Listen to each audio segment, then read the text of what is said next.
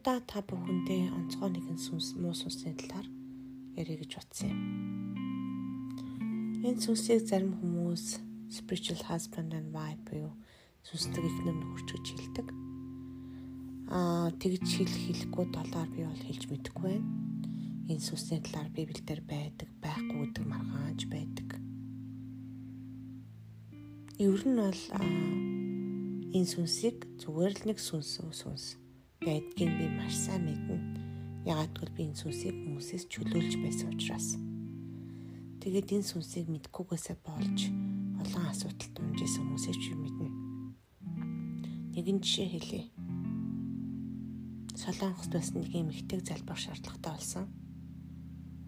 Ахлагч баптизм байдаг эмэгтэй нөхөр нь ч гэсэн итгэвч сайхан хасууд хүүхдүүд нь өвчтөө хэцүү байна залбирч өгөөч гэд залбирч таарсан. Тэгээд эхнийх нь нөхөр нь нас орсон, хоёр дахь нь нас орсон, эхний хүүхэд бас нас орсон, хоёр дахь нь бас гурав дахь дээрээ сууж байгаа. Тэгээд гурав дахь нөхрийнх нь хүүхэд нь өвдөд үх гэж байгаа. Би тэгээ асуудал танд байна гэж хэлсэн. Тань дотор муу сүнс байна. Энэ сүнсийг хөөх хэрэгтэй. Энэ сүнс өөрийгөө таны нөхөр гэж боддог сүнс Тэгээд таны хүнтэй суухад тэр нөхрөөд чинь наалдаг.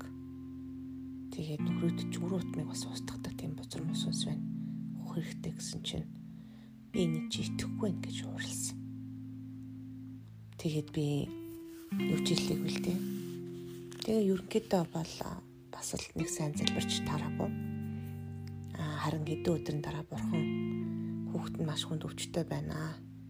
Хаалганд орох чинь чи залбир шаардлагатай гэж хэлсэн.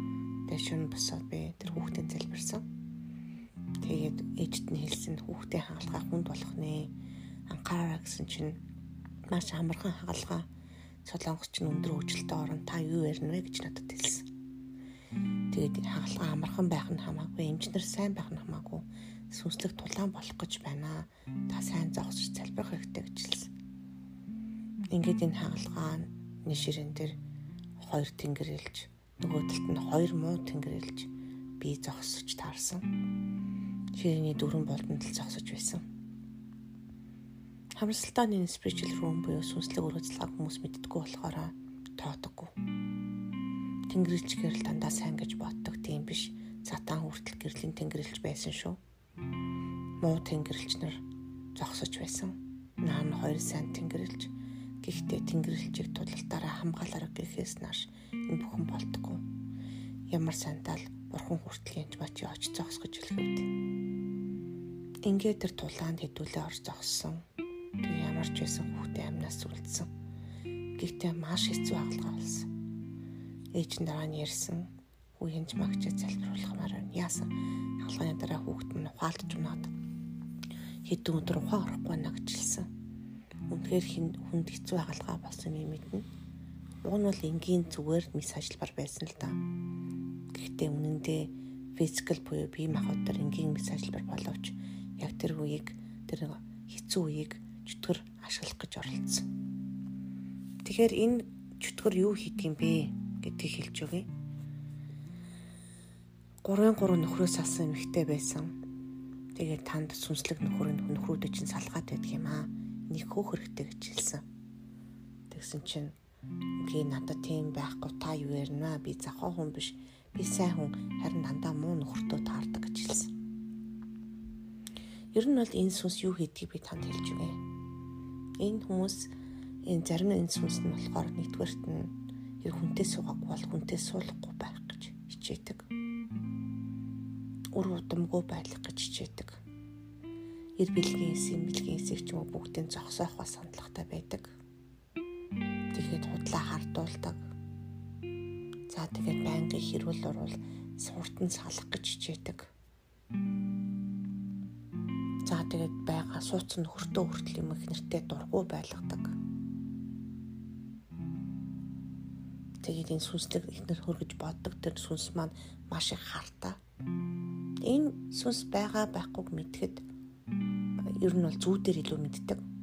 Зүүдэн дотор чинь үмэл өөр хүнтэй хурам хийгээл байнгын өөр хүний хүүхдтэйг олч юм уу эсвэл нисэргээр нь огт хүнтэй суулгахгүй хөөр хөвгтгүү гэсэн өөр яриа яригдаал эсвэл энэ чиний яг хэрүүлээхэд чиний хүүхдүүд чиний хүүхдүүд ч юм уу тэг чийлэх асуудлууд гарч ирдэг.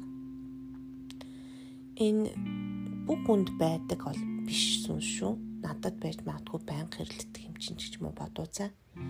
Ер нь сүнслэг ихтер нөхөр гэдэг энэ бузар муу сүнсийг эртгэн таньж хөөх явдал маш чухал.